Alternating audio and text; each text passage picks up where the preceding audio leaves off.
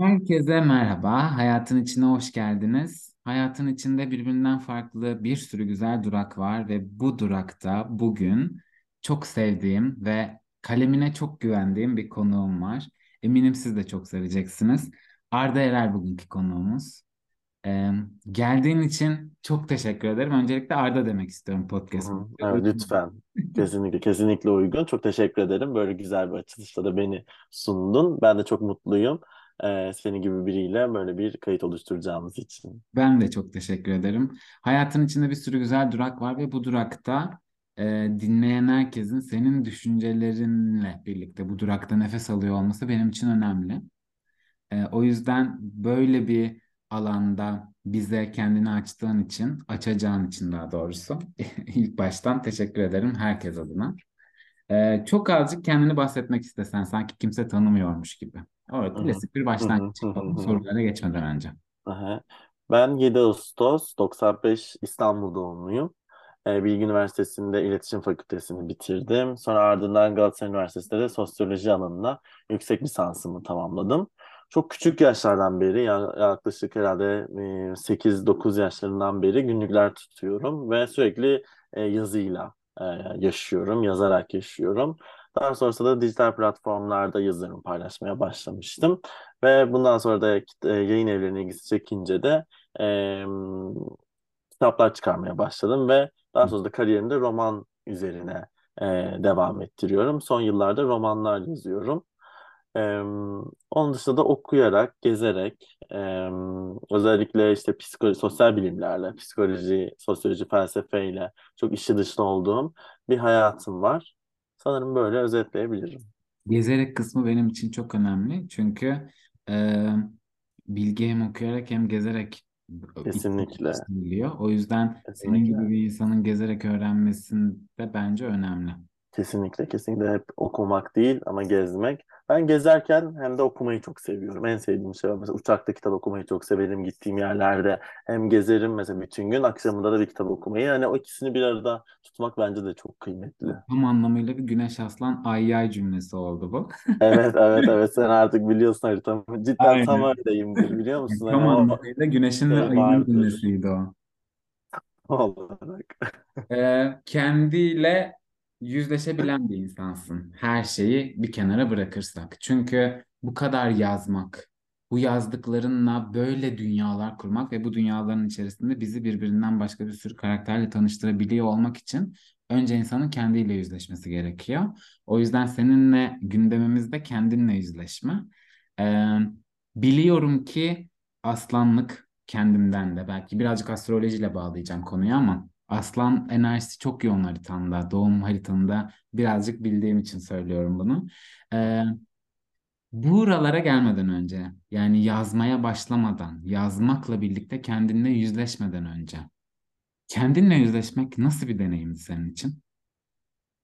Ya sana şöyle söyleyeyim aslında çok kolay bir deneyim değil. Ee, hatta e, sen de söylemiştin hani aslan burçlarının cidden kendileri yüz- yüzleşmesi bazen e, zor olabiliyor. Yani belki bu yaşadığımız e, bu narsistik taraflar işte ego belki buna bazen izin vermeyebiliyor. Ben bazı konularda mesela çok daha erken yaşta yüzleştim. Bazen işte böyle derler ya çocuk yaşta olgunlaşmak zorunda kaldı. Bu arada bu hiç e, iyi, güzel bir şey değildir bence. Çok, aslında çocuğun hep çocuk kalması, olgunlaşmaması gerekir. Ama bazen çocukken evet olgunlaşmak zorunda kaldığım, e, belki çok daha ileriki yaşlarda yüzleşmem gereken şeylerle çocuk yaşta yüzleştiğim şeyler oldu. Ama bir bakıyorum hayatıma geriye dönüp baktığımda bazı şeylerde de çok geç e, yüzleşiyorum mesela. Çok geç kalmışım. İşte bunu şimdi mi fark ediyorum? Bu, bu yaşıma geldim bunu da mı şimdi görüyorum? Ya da ben o kadar kitap okuyan bir insanım. Bunu da nasıl hala böyle yapıyorum? Yani bilgiyle pratik e, olanın birbirinden ayrılması, bilmene rağmen pratikte hiç e, yapamamış olman. E, buradaki aslında e, incinişlerin, işte yaralanışların ve bunun karşısında savunmasızlığın. O yüzden yüzleşmek benim için em, daimi e, süren bir şey. Aslında çok biten bir şey olarak görmüyorum. Hala yüzleşmeye devam ediyorum ki eminim e, hala çok da yüzleşemediğim, hala o gölge tarafta saklı olanlar da var. Ama tabii kendi üzerine çok yürüyen biriyim. Yani çok e, konuları deşen, işte hep böyle çok kendisi üzerine düşünen, aynı zamanda bir ilişkideyse ilişkisi üzerine de düşünen, e, iki taraflı düşünmeye çalışan, e, hem bıçağı bazen kendisine hem de karşı tarafa e, böyle batı hareketi iğneyi desem daha doğru olacak. Hep böyle düşünen bir e, karakterim var. Söylediğin cümleden benim en dikkatimi çeken şey gölge yan oldu. Bunu neden söylüyorum? Ben astrolojiyi gölge yanlar üzerine kullanıyorum Arda. İnsanlar hı, gölge yanlarını keşfederlerse eğer kendilerinin daha iyi bir versiyonlarıyla tanışabilirler. Bu kesinlikle. cümle benim için çok önemli. Yani senden böyle Kesinlikle. bir cümle duymak beni inanılmaz bir kere daha mutlu etti. Bir de bir şey söyleyeyim sana? Çok da kullandığım bir kelime değildir. Ne kadar enteresan değil mi? Yani gölgeyi çok geçirmem. Ee, mesela yazılarımda gölge yan diye çok bahsetmem. Ama yangın çok kullandığını bilirim. Gölge taraf, e, yan. Birden aklıma e, o geldi. O yüzden öyle e, söylemek Enerjisel olarak çekmişizdir. Enerjisel olarak frekanslarımız ya da orada artık hissettik gerçekten. Aynen olabilir. Ee, yani ben bütün söylediklerinden şunu anlıyorum. Sen aslında kendi içsel az önce söylediğin cümleden referans alarak söyleyeyim. Yangınlarını yazarak sağaltıyorsun. Bu Evet. Yazmak çok ciddi bir yüzleşme bu arada benim için. çok. Yani Bunun kitapların isimlerinden de belli bu arada. Evet evet yani bilinç dışı bunları zaten e, bir yazar ve her yazarın bilinç dışının kitaba e, aktarıldığını çok düşünürüm. Yani ister istemez yazar kimi yanlarıyla içeridedir, kimi yanları hiç içeride, kitabın içeriğinde değildir. Ama bir bilinç dışı çalışır yani yazarın. Buna çok inanıyorum evet. O yüzden de yazmak da ayrıca bazen bu arada bu yüzleşmeyi sağlattığı için e, yıpratıcı da olabiliyor. Ama e, kopamadığın bir bağın var yazmakla benim. Bunca e, fikri insanlara sunabildiğin bir alandasın artık. Yani e, hem sosyal medyada takipçi kitlen, Hı hem kitaplarının okunurluğu, hem görünür olman. Şimdi bu neye göre iyi, neye göre kötü bir şey. Bu bir hı. aslında baktığında e, fikirlerinle birlikte birilerini etkileyebilme pazarı. Aynı zamanda da insanların açık bir şekilde seni eleştirebilmeye hak gördükleri bir alan. Kesinlikle. Ve aslında herkesin bir fikrinin olması en, en herkesin bir fikri var, aynen. Herkesin bir fikri var ve bu çok e, beni bazen dezavantajlı bulduğum bir şey oluyor. Tam olarak bunu Kesinlikle. soracaktım. Sosyal medyayla olan hı, ilişkin sınırlı takip hı ettiğim ve hı, uzun hı zamandır hı, ben takip ediyorum. Hı hı, hı hı. sosyal medyayla çok kaliteli bir bağın var, öyle söyleyeyim. Ne çok içli dışlısın, Aslında ne çok hı uzak. hı. evet aslında oradaki evet burada bir Bunu sınırı koruyorum. Hı bilerek hı. mi yapıyorsun, onu soracağım aslında. Hı hı. Aslında biraz bilerek yapıyorum evet. Çünkü şunu biliyorum ki sosyal medya da e, bizim bir, bir e, psikolojimizi gösterdiğimiz bir alan. Yani orada da bilinç dışımız var. Orada da bize dair e, bir kimlik bulunuyor ve her birimizin farklı bir kimliği dışa vuruluyor. Sosyal medya dijital kimliklerimiz e, bizim kimliğimizin bir parçası artık e, bugünün dünyasında. Ve bu yüzden oraya ne yazdığımız, orada nasıl göründüğümüz e, gerçekten aslında o kadar e, görmezden gelebileceğim şeyler de aslında bize dair ipuçları veren şeyler. Yani ben mesela çok Çok. mahrem alanlarını açabilen insanlara çok şaşırırım. Yani evinin her tarafını göstermek, işte neredeyse bütün her şeyini e, izlettirmek. Bu çok ciddi şekilde e, bu arada bir yanıyla da politik bulduğum bir şeydir. E, bu ciddi artan bir baskının e, e, tezahürü. Hani belki e, iktidarın görmek istediğini sen onu o sana söylemeden sen gösteriyorsun her türlü yere, dünyaya ve sen kendiliğinden açıyorsun. Bunu hatta Foucault çok güzel şekilde anlatır.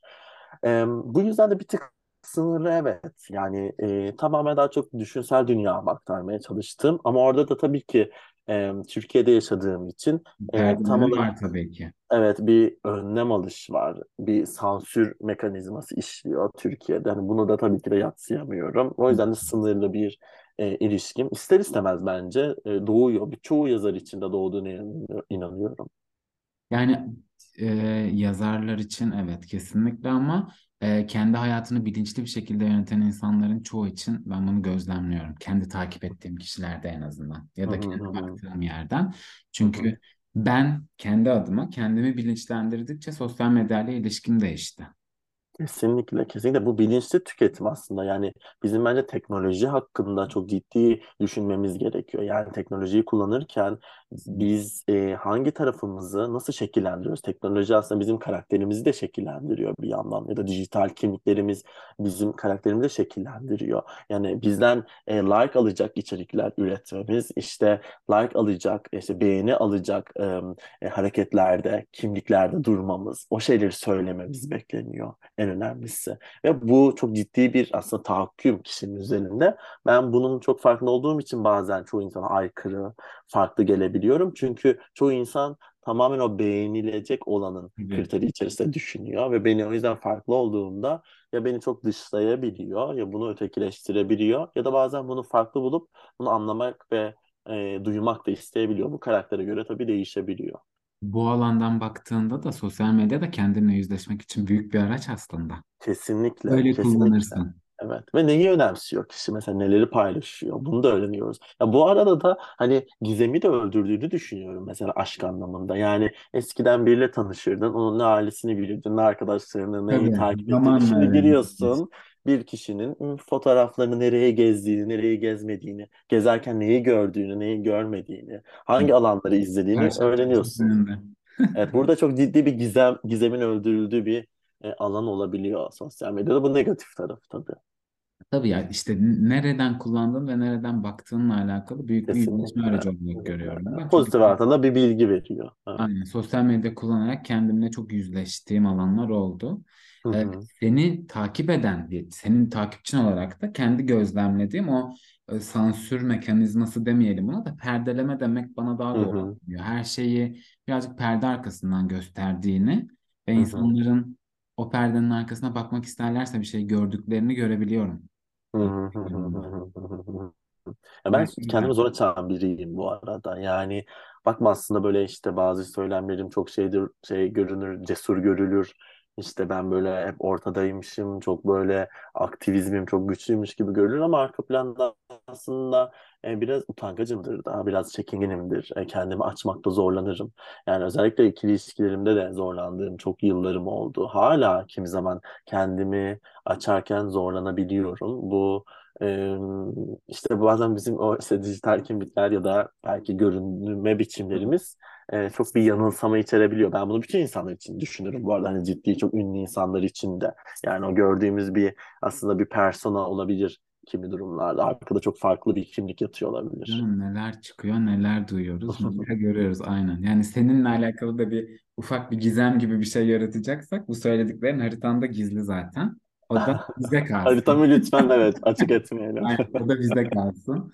Ee, ben şimdi sosyal medyayla alakalı da e, senin hakkında en sevdiğim şey soru cevap etkinliklerin. Yani bayılıyorum verdiğin cevaplara. Bu benim kendi şahsi fikrimdir.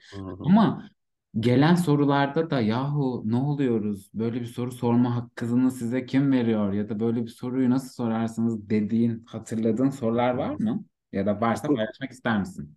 Tabii tabii çok fazla var aslında. Yani insanlar çok değişik şeyleri merak edebiliyorlar mesela benim hakkımda. Yani bu beni çok şaşırtmıştı işte. Yani mesela e, hayatımda biri olup olmadığı, ne kadardır sevgilim olduğu, işte e, ne bileyim bazen işte annemle ilişkimin nasıl olduğu, işte babamla ilişkimin nasıl olduğu. Yani böyle çok çok Meraklı bir böyle toplum. mahremim. Hı hı. Efendim? Meraklı bir toplumuz. Evet evet özellikle özel hayatı çok merak eden bir toplum. Bu arada bu da çok şey bir meseledir. Yani bizim neyi merak ettiğimiz de bize dahildir. Mesela kimi insanlar da neyi okuduğumu merak eder mesela. Hangi e, filme gittiğimi en son merak eder. Ya da işte en son yeni romanımda neyden bahsedeceğimi merak eder. Bu da çok değişkenlik gösterir. Hani böyle en absürt e, şeyi de hatırlamıyorum şu an. Hani ne yalan söyleyeyim hani böyle en absürt şu gelmişti de e, şey şoka girmiştim gibi bir şey hatırlamıyorum.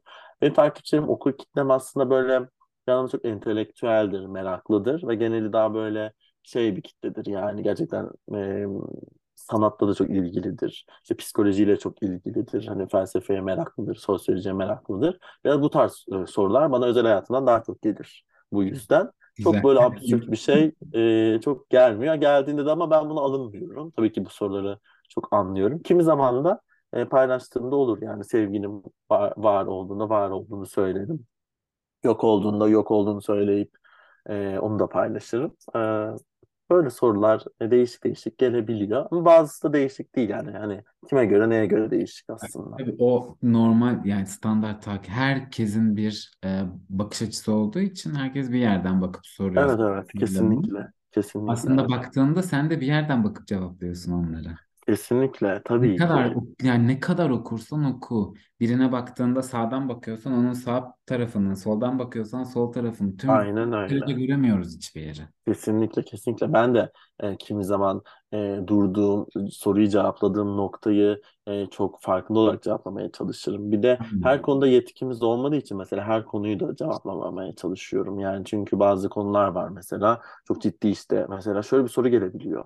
İşte ben evli bir e, adama aşık oldum ne yapmalıyım? Yani bu çok ciddi bir mesela aslında psikolojik bir e, konudur. Belki bir terapinin konusudur. E, kişi bunu yaşıyorsa ve bundan kurtulamıyorsa. Çünkü tekrar ettiğini söyleyen bize çok fazla böyle mesaj al- aldığım bir ara olmuştu. Bu ilgimi çekmişti. Ne kadar çok evli e, bir insana tutulma yaşayan insan var. Ama bunu mesela cevaplamak e, benim açımdan etik olmaz. E, çok zor bir meseledir. Kişinin meselesidir. Onu o yönde cevaplıyorum mesela. Yani zaten o, o tür konularda verdiğin cevapları e, kimilerinin çok politik göreceğini düşünüyorum ama bence çok yerinde ve çok düzgün. Ya zaten kalemini ve bakış açını o kadar çok seviyorum ki. Yani haddimi biliyorum diyeyim. Ben e, e, onu çok Çok doğru bir önemsiyorum. cümle ama bu. Evet gerçekten Evet. okuduğumda görüyorum. A, ya Arda haddini biliyor diyorum ben okuduğumda. Evet evet Çünkü ya çok bazıları sağlıklı hadsizce üstten cevap veriyor. Her Evet şey, yok. Her Ben soru, öyle değilim. da ciddiye alıp cevap vermemek lazım bence. Tabii ki o zaten ayrı bir mesele. Bir de her şeyi de bilemeyiz mesela. Yani mesela Aynen. bana şimdi astrolojiyle ilgili bir soru gelse işte şu şu şunu biliyor musun? Bilmiyorum diye bilmek açık yüreklilikle. Yani biliyorum diye gevelemek değil önemli. Bil- bilmemeyi de biraz e, aslında normalleştirmemiz lazım. Bilmiyoruz ve birçok konuda bilmeyen bir toplumda da yaşıyoruz yani. Hani Aynen. Ve bu bilinmezlikte çok e, utanan, mesela bilmemekten çok utanan bir toplumda yaşıyoruz maalesef. Halbuki bilmemek çok e, olağan bir şey. Yani mesela benim için çok sıradan bir şey. Mesela ben çok sporla ilgilenmediğim için futbolla ilgili çoğu şeyi bilmem. Bilmemekten utanmıyorum. İlgim olmadığı için bilmem. Yani bunlar utanılacak şeyler değil bence. İçselleştirmek ve içselleştirmemek giriyor orada devreye. Yani şeyi çok kolay e, özümseyebiliyoruz. İyi ve kötü var bu hayatta. Bazı kötü deneyimlere de açığız ama e, bilmemek ayıplanan bir şey olduğu için ona çok Evet, kapalıyız. O Evet, gizliyoruz ya da bilmediğimizi. Evet, Aynen. bilmediğimizi gizlemeye çalışıyoruz. Bil- biliyor gibi yapıyoruz mesela. Ne Onun gerek var iyisini oysa ki, ben biliyorum. Halbuki hiç gerek yok, bilmiyorum. Ve bilmemek çok büyük bir özgürlük. Aynı zamanda sırtında bir Kesinlikle. yük taşımıyorsun yani. Aynen Bir öyle. role girmiyorsun. Bir oyun Katılıyorum. oynamıyorsun. Sen bu kadar bilmemenin e, özgürlük olduğunu söyleyen biri olarak bilinmez dünyalara gelip bir sürü ha- hayatlar yarattın ve bunu bize de e, çarşaf çarşaf sundun. Senin sayende biz de o hayatlara girdik. Bu hayatları yaratırken en büyük motivasyon kaynağın ne? Karakterlerini e, hangi dünyalardan yaratıyorsun? Yani aslında ben çok e, kendimi dediğim gibi en başta gözlemleyen bir insanım. Mesela kendi geçmişimi, çocukluğumu çok ciddi düşünürüm. Ve e, çevremdeki insanları ve toplumu da çok gözlemleyerek yaşarım. Yani en uzağımdaki insana da bakmaya ya da onu da dinlemeye çalışırım. Çok yeni tanıştığım bir insanın hayat hikayesini çok merak ederim mesela. Yani anlatırsa, o anlatmaya e, hazır hissederse onu çok dinlemeyi severim. Yani insanları dinleyerek yaşıyorum diyebilirim. O yüzden de romanın karakterleri aslında e, toplumun içinden karakterler olur. Bir de benim içimden olur bazen. Bazılarına kendimi serpiştirdiğimi de hissediyorum. Yani o kendimi aktardığımı. Bunu bilerek de yapıyorum bazen. Bazen bunu çok bilinçsizce aktarabiliyorum. Ama genelde e, hem kendimle hem toplumla çarpışarak aslında e, karakterlerim oluşuyor. Mesela şu an yeni bir roman yazıyorum. E, mesela hiç bu, bu o, o karakter bana benzemiyor ama toplumda birçok insana benziyor. Birçok insan onun gibi hareket ediyor. Birçok insan onun gibi aşık oluyor. Ve bu habersizce toplumu içselleştirdiğimi, toplumu içime aldığımı e, gösteren bir Bir yandan da e, toplum olduğunu da oluyor. burası. Evet kesinlikle. Toplum karışıyor yani öyle. içerisinde ve bundan kurtulamıyorum. Bunu ben şu an gidip e, Bali'de de yaşasam toplum içimde ondan kurtulamıyorum. Ya da Amerika'da da yaşasam Aynen toplum öyle. içimde benim ve onu orada da yazmaya devam edeceğim. Çünkü buranın hafızasını taşıyorum. Ülkenin hafızası yazar her zaman yerleşiyordu. Bir toplumsal hafıza hepimize yerleşiyor. O yüzden bunlardan ilham alarak yazıyorum ve bir soruyla hareket ediyorum. Bir sorun üzerine düşünüyorum mesela. Hani böyle şeyler yaşayan insanlar var. Bu konu beni hızlandırıyor, meraklandırıyor. Böyle bir şey yazmak istiyorum diyorum. E, mesela yeni romanım konusu ayrılık. Sadece ayrılık üzerine konu ve bu konuyu deşiyor mesela. Böyle bir konusu var. Bazen de bir duygunun peşinden gidiyorum. Mesela son yeni yazacağımda bir duygu sadece. Yani bu duyguyu e, düşünüyorum. Kendi ayrılıklarımı düşünüyorum. Başkalarının ayrılıklarını düşünüyorum. Bu şekilde yazıyorum. Son ondan önceki annem bilmediği her şey bir kimlik meselesi, bir azınlık meselesi üzerineydi. Orada da hafızayı, kimliğin oluşumunu, asimilasyonu çok düşündüğüm bir dönemden Başka başka konular birbiriyle çatışıyor aslında. Evet, Eminim ayrılık, birleşiyorlardı aslında. ayrılık gündeminin içinde de çatışan ve birleşen başka ana gündemler vardır tahmin ediyorum. Tabii ki orada da yaralanmak, hayal hı. kırıklığı, birini sevebilme kapasitemiz. Nereye kadar kork- kaçtığımız şeyler. Az önce konuştuğumuz konu yani. O, Evet. bilmiyorum demekten korktuğumuz, yaşamaktan korktuğumuz duyguları önümüze sereceksin yani. Evet, bu yeni roman öyle olacak. Benim de yaşarken aslında çok sancılı yaşadığım. Tabii. e, aslında ayrılık herkes için çok sancılı. Benim için de öyle. Ve bunu yazmak da bu arada e, çok zor. Ama e, ayrılığı da daha çok konuşmamız gerektiğini düşünüyorum e, günümüzde. Çünkü onu hep böyle işte konuşmayalım bunu ya şimdi. Ayrıldık işte bitti diyerek de görmezden gelebiliyoruz. Ama halbuki orası en incindiğimiz, en savunmasız ve en kontrol edemediğimiz zaman oluyor. Ayrılığı yazmak için ayrılmak gerekiyor bence. Tabii ki, tabii ki. O da maalesef, tabii ki her insan gibi benim için ayrılıklarım oldu. Ee, ciddi e, yaşadığım, çok üzüldüğüm.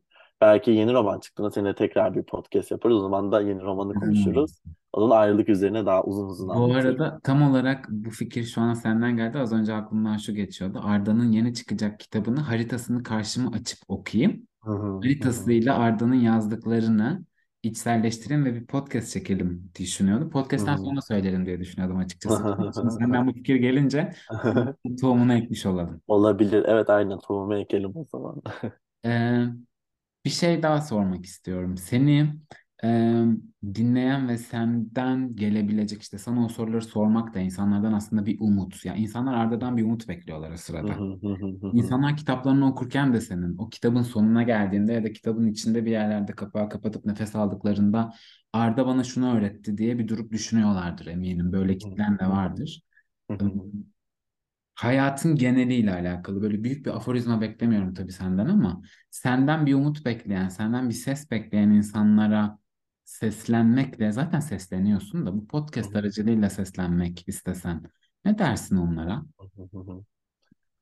Ben çok aslında ne kadar pozitif, işte güzel düşünen bir insanmışım gibi dursam da kimi durumlarda bayağı aslında e, acıyı, o negatif e, duygu durumlarını da yoğun şekilde yaşarım. Özellikle bir aşk acısını yaşadığımda da çok ciddi umutsuzluklara sürüklenebiliyorum ve orada hep böyle kendime bir cümleler düşünmeye çalışırım. Mesela işte Taoizm'den, işte Rumi'den kendime böyle cümleler bulmaya çalışırım. Tarihten çok beni etkilemiş insanlardan. Ee, mesela son zamanlarda bırakmanın önemi üzerine düşünüyorum. Mesela bırakmak e, çok önemli bir şey. Ee, yaşadığımız şeylerde o bırak bırakarak yaşamamız. Çünkü çok tutturarak işte bu olsun, bu olsun, bu olsun, istiyorum o olsun, olmasını istiyorum diyerek yaşıyoruz. Bize Taoizm'de çok güzel bir şey var. Bazen istediğin e, daha iyisin. Yani şöyle bir cümleydi. Şimdi tam da cümleyi hatırlamıyorum. Dizeyi tam doğru söylemek daha iyi olurdu ama e, şöyle bir cümleydi işte. Bazen istediğinden daha e, iyi olan belki karşıda çıkar. Yani istediğinden daha ötesi var. Onu da bekle, beklemek önemli gibi bir dizeydi. Bu beni çok mesela etkilemişti. Umutsuzluğa düştüğümde, istediğim bir şey olmadığında ya da işte Rumi'nin acı suyla tatlı suyun rengi bir. Yani bunu da çok severim. Yani o acı suyudayken aslında tatlı bir şeyin de olabileceğini ya da tatlı sudan geçerken acı bir suyun da aynı zamanda karıştığını söyler. Bunlara çok tutunuyorum.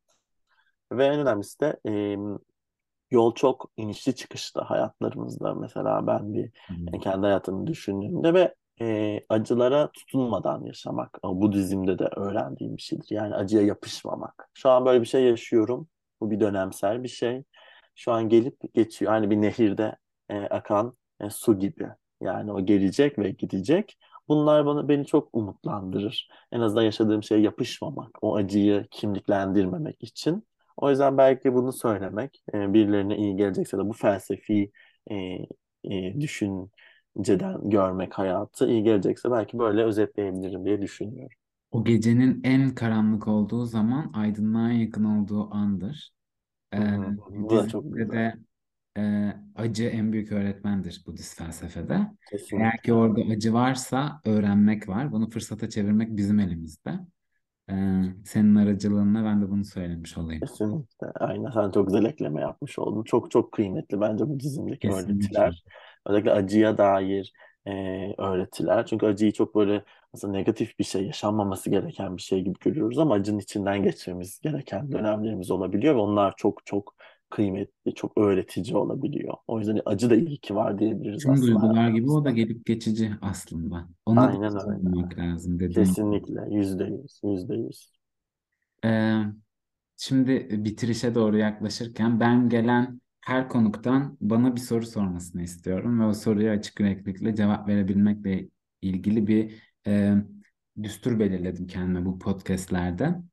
Eğer bana bir soru sormak istersen severek cevaplarım.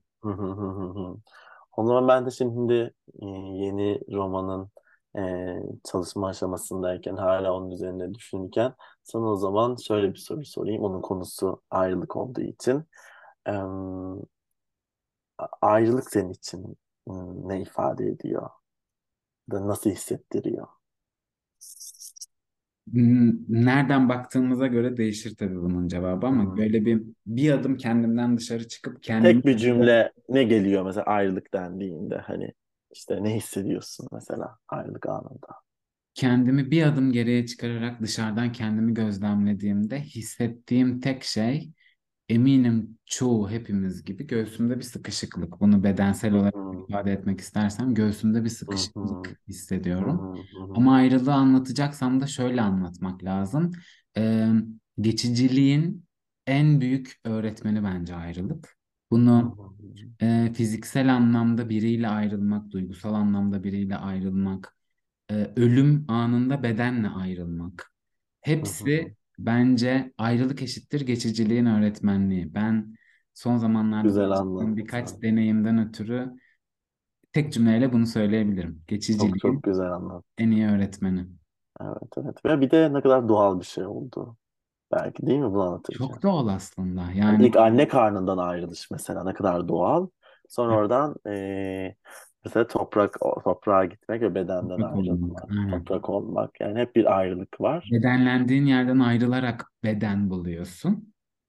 Bedeninden ayrılarak anlam buluyorsun belki de. Kesinlikle, kesinlikle. Çok güzel özetledin. Bu arada bu kadar iyi bir cevap beklemiyordum. Çünkü böyle aniden sorduğum için insanların hani düşünmesi ya da bunu çok böyle e, bu biraz zor bir soru olarak Evet. da e, gelebilirdi. Ama sen çok güzel cevapladın. Çok teşekkür ederim. Ben teşekkür ederim. Bana böyle bir soru sorup kendimle bir kere daha yüzleşmemi sağladığın için. Güzel bir e, yerden bakabildim kendime bir kere daha. Teşekkür ederim. Evet, ben seni tebrik ediyorum o zaman. İyi ki geldin Arda. Yani Aa, çok e, teşekkür ederim. benim için bunu burada da söylemek istiyorum. E, ulaşılamaz gibi düşündüğümüz şeylere aslında gerçekten istersek ve çabalarsak ulaşabilirizin kanıtısın kendi adıma. Çünkü dışarıdan bakıldığında insanların zihinsel olarak kendine koyduğu sınırlarda sen ulaşılamaz bir yerdesin. Ama şu an seninle uzun zamandır tanışıyormuşuz gibi sohbet ettik. Bu benim için çok önemli. Herkes için de çok önemli olmalı. Çünkü e, aslında ne kadar hepimiz eşitiz ve o sınırlar kendi zihnimizde. Bunun kanıtı bence bu podcast. Kesinlikle, kesinlikle. Çok İyi mutlu ki oldum. geldin. İyi ki kalbini açtın. Aa, aha. Çok teşekkür ederim. İyi ki sen de böyle bir şey yapıyorsun. Ben de böyle bir alan buldum kendime ve ben de kendimce e, umarım m, güzelce cevaplayabilmişimdir sorularını. Ben sen çağırdığın için, burada bana bir alan açtığın için çok teşekkür ediyorum. Benim kapım her zaman sana açık. Senin bakış açını çok seviyorum. Zaten e, az önce yeni kitabını tekrar konuşacağımıza dair bir tohum ektim. Evet, evet, yüzden evet. ayrılık, ayrılık üzerine, ayrılık durağında duracağız bir kere de seninle. Evet, evet, evet. İlerleyen zamanda Çok isterim. Evet. İyi ki varsın. Çok teşekkür ederim. Ha, sen de. Çok teşekkür ederim. Umarım dinleyen herkes bu durakta kendinden bir şeyler bulmuştur. Ee, Arda ile birlikte ettiğimiz bu sohbette, bu durakta bizimle vakit geçirdiğiniz için teşekkür ederiz. Sonraki bölümde görüşmek üzere.